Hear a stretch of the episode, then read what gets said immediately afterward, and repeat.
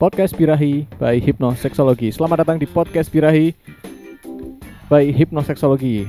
Kembali dengan saya Gun Abraham dan Saya Ripan Jalu. Selamat apa ini? Selamat, selamat berjumpa. birahi dong. ya.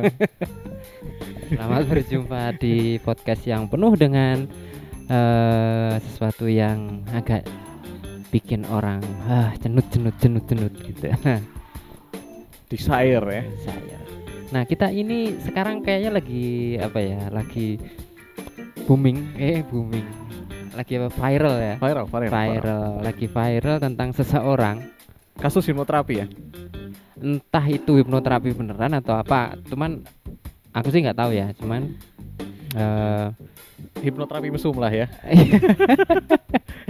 Abal-abal tapi ya, bukan- Abal-abal. bukan beneran ya. Kalau Iya, hipnoterapis profesional nggak mungkin mesum. ya Kalau eh, ketemu klien, Mm-mm. iya terapi gitu ya. Kalau mau mesum kalau mesum di luar beda ya.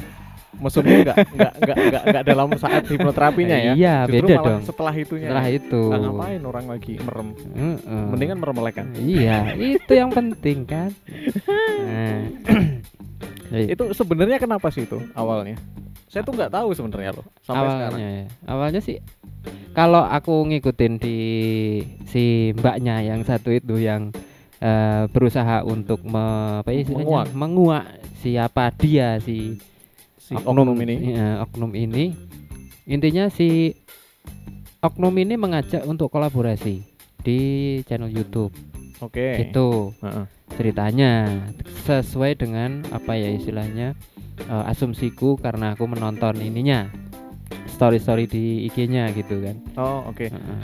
Oke. jadi dari situ ternyata si ini kok eh, mencium gelagat yang kurang pas gitu akhirnya dicari-cari bener nggak dia eh, punya gelar itu dan lain sebagainya dicari dicari dicari akhirnya ternyata tidak bisa membuktikan dan lain sebagainya kayak gitu Itu eh, pertama gelar apa sih yang dipakai kok sampai sampai kalau di ininya gitu? dokter dokter S3 dong ya? iya dokter tapi psikologi Jadi dia S3 psikologi. Mm-mm. Harusnya ya kalau dokter Heeh. dokter tapi psikologi berarti Mm-mm. S3 eh, jenjangnya eh, jenjangnya sampai S3 tapi sih Heeh. jurusannya psikologi gitu ya. Iya, benar ya? Harusnya heeh. gitu ya. Tapi ternyata tapi ternyata ya mungkin gini kalaupun S3 psikologi tapi sebelumnya dia S1 S2 nya itu tidak mengambil psikologi dia tidak punya hak praktek loh Iya. karena gini kalau S1 psikologi itu kan masih belum penjurusan heeh. dan setelah S2 nya itu baru bisa Iya, ada- bikin ada. diagnosis dan lain sebagainya Betul. ya kan padahal sementara selama ini di apanya ya di konten-konten YouTube atau apa pun gitu Mhm. dia judgment judgmental banget jadi ngejudge sesuatu gitu seolah-olah ini begini ini begini lah Oh, oke. kalau dia berani mendiagnosis seperti itu apakah dia punya ininya Dasar, lisensinya lisensi dasarnya. Iya. Oke, oke, oke. Ya, nah ya. itu yang jadi masalah pertama Awalnya dari situ ya. Awalnya Akhirnya situ. terkuak sampai ke hipnoterapi itu gimana tuh ceritanya? Nah, yang hipnoterapi itu aku kurang jelas ya, tapi yang jelas eh, mungkin teknik-teknik yang dipakai dia itu ada hubungannya dengan hipnoterapi. Oke. Oke. Atau atau kasus yang terkuak eh, dia mesum atau Hmm. dalam tanda kutip grepe-grepe itu ya. Heeh. Itu awalnya gimana sih? Awalnya gimana? Terkuaknya. Eh, kurang jelas juga sih aku, aku kurang jelas juga, kurang mengikuti juga gimana terkuaknya itu terkuaknya seperti apa, kayak gimana. Tapi sepertinya ada yang mengadu ke si mbaknya ini. Oh, Akhirnya mungkin blow ya. up, heeh. Oke. jadi chat WA-nya, chat mesumnya, terus dan lain sebagainya, hampir jadi korban atau apa gitu kan. Karena balik lagi kalau klien itu dia merasa memang tidak menyukai si si terapisnya ini ya, dia akan merasa diperkosa gitu aja. Iya, walaupun cuman bahkan cuman eh, kalau kita cuman mandang aja kita bisa dianggap pelecehan, Pelecehan seksual. seksual gitu. Kita mandangin Mm-mm. teteknya seseorang gitu Mm-mm. misalkan di jalan gitu. Mm-mm. Dia nggak suka, ya itu sudah dianggap sebagai pelecehan seksual kan, benar. Iya. Apalagi grepe-grepe. apalagi grepe-grepe gitu dan dari story yang aku lihat grepe-grepenya itu benar-benar sesuatu yang memaksa gitu Oh, Nah, oke. Itu kan membuat orang yang di terapi kan juga, loh kok gini? Apakah ini salah satu bentuk dari terapinya dan lain sebagainya? Akhirnya kan kalau memang itu tidak sesuai dengan norma yang dia pegang, itu pasti akan melawan. Betul. Terus Karena ki- gini loh, Mhm. selama ini eh, saya juga terapis ya, hipnoterapis Ya. gitu ya. Bahkan untuk memegang tangan saja, saya harus meminta izin sama klien. setuju. Kalau tidak diizinkan ya saya tidak memegang.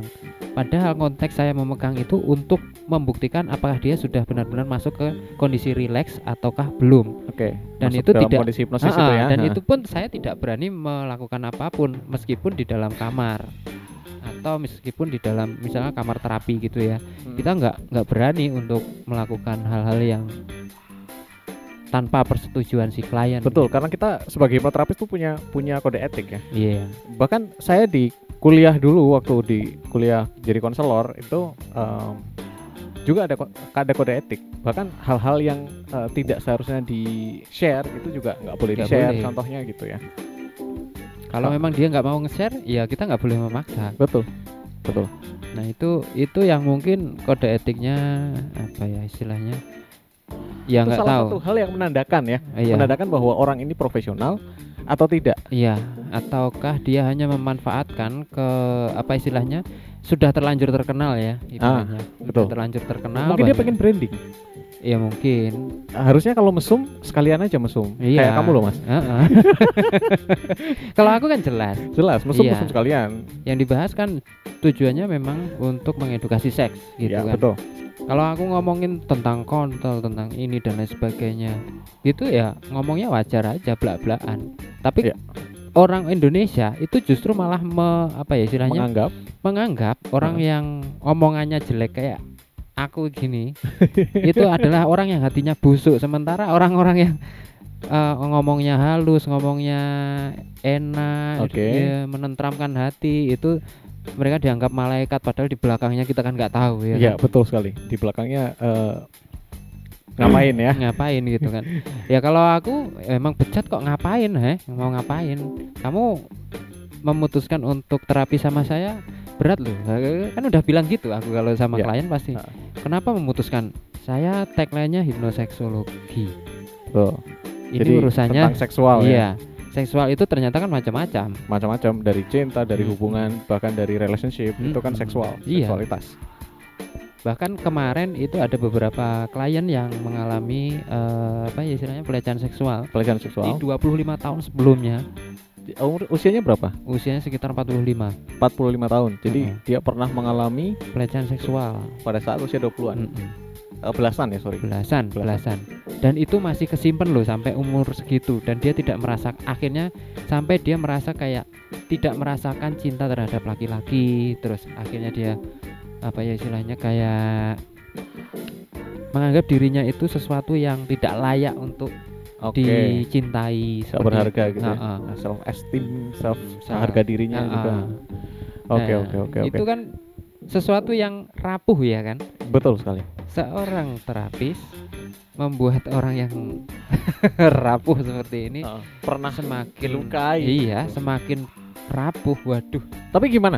Kan eh, dia kan pernah punya trauma. Mm-mm. Kan dalam dalam hipnoterapi itu juga ada ada momen di mana eh, si klien itu harus ketemu dengan pria Mm-mm. dalam satu ruangan dan nggak ada eh, orang lain tuh. Mm-mm. Dengan trauma seperti itu saya bisa bayangin gimana takutnya si orang tersebut. iya Itu gimana?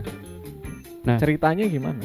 ceritanya apanya Nah, eh, Sampai bisa mau di terapi. sampai di- mau diterapi iya pertama kan dia memang carinya yang terapi cewek aku berusaha mencarikan terapis yang cewek Oke. sampai dia menghubungi beberapa terapis cewek yang eh, aku rekomendasikan Uh-uh. ternyata orang-orangnya semua jadwalnya penuh Oke. sementara dia udah benar-benar nggak tahan oh, ya udahlah Mas Ari saya sama Mas Ari aja Eh, karena sampai sekarang saya belum bisa menemukan terapis cewek nah di situlah mulai eh, saya gini aja Mbak kita ketemu di sebuah kafe di mana kafe itu ramai sekali. Oke. nggak mungkin saya akan melakukan hal-hal yang eh, ini apa namanya tidak senonoh. Silahkan ketemu nanti kita ketemu ngobrol dulu. Mbak boleh apa mengungkapkan apa yang sebenarnya diinginkan dari proses terapi yang nanti akan kita adakan. Nah di situ ngobrol-ngobrol-ngobrol ternyata akhirnya setelah building rapot terbentuk nah akhirnya dia mau untuk sesi terapi Oke, jadi kita harus eh, membuat si klien ini merasa aman bersama Aman, kita ya. iya Bahwa kita ini profesional, kita punya kode Profesional. etik, kita menjunjung itu. Mm-mm. Bukan seperti hipnoterapis abal-abal yang barusan ya, Iya. psikolog atau hipnoterapis yang abal-abal barusan ini. Nah, untuk para teman-teman yang eh, mendengarkan podcast ini, hati-hati ketika memilih seorang terapis, betul? iya Jangan sampai em, bertemu dengan orang yang salah sehingga akhirnya em, menjadikan nama hipnoterapi itu iya jelek. buruk. Iya, jelek Padahal itu bukan dari hipnoterapinya ya, iya karena Ok- oknumnya oknumnya. Hmm. Jadi orangnya, em, ya kita harus jeli dalam memilih terapis. Sama Iya. lah kita milih makanan bisa jeli, Heeh. milih makanan bisa jeli, milih apa bisa jeli, yang begini, yang segala macam. Milih terapis pun harus gitu. Kita harus tahu track recordnya. Nah, kriteria nih eh, hipnoterapis yang bisa dipercaya Hmm. apa nih mas buat teman-teman di rumah?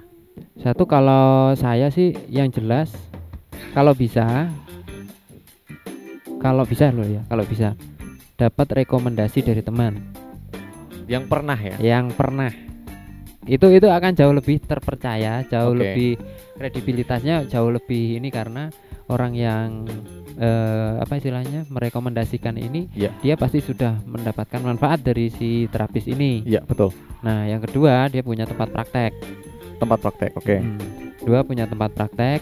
Kalaupun dia tidak punya tempat praktek, kalau dia menyarankan untuk terapi di hotel dan lain sebagainya, usahakan untuk selalu ber bertiga. Ada satu orang Ada yang satu orang mau- yang dipercaya mau- yang sama si dipercaya. klien ini Oke. atau teman-teman ini yang benar-benar percaya sama orang tersebut untuk menjaga rahasianya. Nah, itu disampaikan ke si ini apa si terapisnya. Oke. Kalau saya bawa teman boleh nggak? Kalau nggak boleh mending nggak usah. Harusnya bisa ya. Harusnya Bisa. Seorang hipnoterapis harusnya bisa. Bisa, Harusnya bisa. sangat bisa gitu. Selama si klien itu tidak merasa terintim- terintimidasi Iya. dalam uh, proses terapi itu, Betul. maka terapi bisa dilakukan dengan baik ya. Mm-mm. Oke, itu tadi sekilas tentang uh, hipnoterapi abal-abal, hipnoterapi mesum dari seorang kas, eh, dari kasus seorang Denny Susanto ya namanya ya. Waduh, kita jangan nyebutin inisial. Oh ya, oh iya, iya, inisialnya ya Susanto. ya. Inisialnya Deddy Susanto. Ah, Oke. ya walaupun sebenarnya kalau dibilang profesional saya sendiri pun kalau dibilang profesional juga belum. Oke, Ya saya tidak mengejudge bahwa dia itu salah ataupun enggak, tapi yang jelas di sini dia mencatut nama hipnoterapi. maka kita praktisi wajib mengingatkan, betul ya? Mm-mm. Kita hanya mengingatkan saja buat teman-teman yang pengen terapi hipnoterapi, enggak semuanya orang-orang yang eh, jadi terapi hipnosis itu punya kecenderungan melakukan hal-hal yang seperti itu. Oke, karena bagi contohnya kayak aku nih karena aku dicap sebagai eh, orang yang apa hipnoseksolog gitu kan pasti orangnya mesum gitu Iya, Wah, konten gitu. birahi terus gitu ya. kontennya birahi terus gitu ya justru kalau aku kalau sama cewek yang cantik gitu aku pasti akan ngasih harga mahal Oh, oke. Oke. iya itu buat bayar biar aku nggak hilaf gitu Ah, aja Oke, oke, oke. Jadi gantiin ya, gantiin ya. gantiin loh Ba- eh, berat loh berat loh Terus itu eh, yang mahal itu diganti nanti ke apa namanya? Dia kan bisa ya kan bisa di anu tadi alokasikan untuk ke anak istri Oh gitu iya iya kan. betul betul. Punya istri ya, punya istri. Punya, Iya, iya, untungnya kan iya. punya, Oke oke oke gitu. oke. Kalau pijat tunanetra aja lah ya. Iya. Oke, demikian podcast kali ini. Sampai jumpa. Semoga konten kali ini bisa bermanfaat untuk teman-teman semua. Jangan lupa download ebook gratisnya di hypnosexolog.com atau lihat deskripsi di bawah ini. Oke. Sampai jumpa di podcast Birahi episode berikutnya. See you. See you.